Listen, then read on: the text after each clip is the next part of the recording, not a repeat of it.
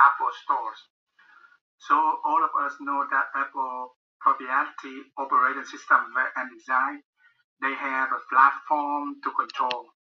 And under supervision and control of Steve, uh, departure as well to return to make really remarkable success for the company in financial performance microcomputer business. So today I just divided different categories to look at the detailed information about the Apple stores. Uh, the first thing is the factors the attention to detail. Um, how the Apple, when Steve Jobs went to the company and he really paid close attention to detail. And he was known as micromanager that observed over detail in everything he did. Um, Steve Jobs is really big success in the big things, Grandeur stock, stocks related to the story about the visiting delegation of Businessland executive. Um, the second one is the genius of Steve Jobs. Uh, he, he deserved enormous credit for Apple's success when he returned. He, he was considered a genius during Apple early years when the company had very confusing brand platform that's used the number later to distinguish the models, such as the Apple II, uh, Apple II Plus, uh, IC, IX, IFX, something like that, etc. And more importantly, nobody considered him as a genius during the 12 years down period between his departure from when he returned to Apple. And we look at the next one is success by the numbers. Of course, the last 10 years, the completely different stories, starting with the iPod. Apple has introduced a string of very successful products. The past five years, Apple market capitalization has increased from 122 billion dollars increase to compare with the Google's around 13 billion dollars. And uh, and we, we we take a look another what really created Apple's success today. So we know that the why um, the Apple consider is really big franchise and because they have uh, many locations in the nation and the, the, the worldwide. Uh, the first thing is, so I figured out the corporate image.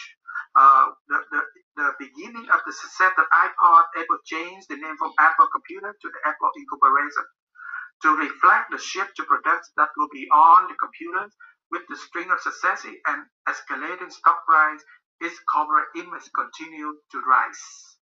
Uh, positioning during the Warren Steve Jobs learned how to operate successfully and how to create effective branding platforms. The numbers and the later that's called confusion from the Apple two and three days. Um, right now, um, the Apple to make the very attractive packet to hook up with the internet. All begin with the I and the end with a single syllable word with the exception of ITV. Um, another thing is products uh, are the highest quality materials and crafted products even though they are mass produced. The hardware and the software are all Apple produced uh, and products are seamlessly integrated to ensure that Apple products are easy to use with minimal after sales support pricings. Um, uh, going back to the day, it's difficult to find a reseller to carry Apple products.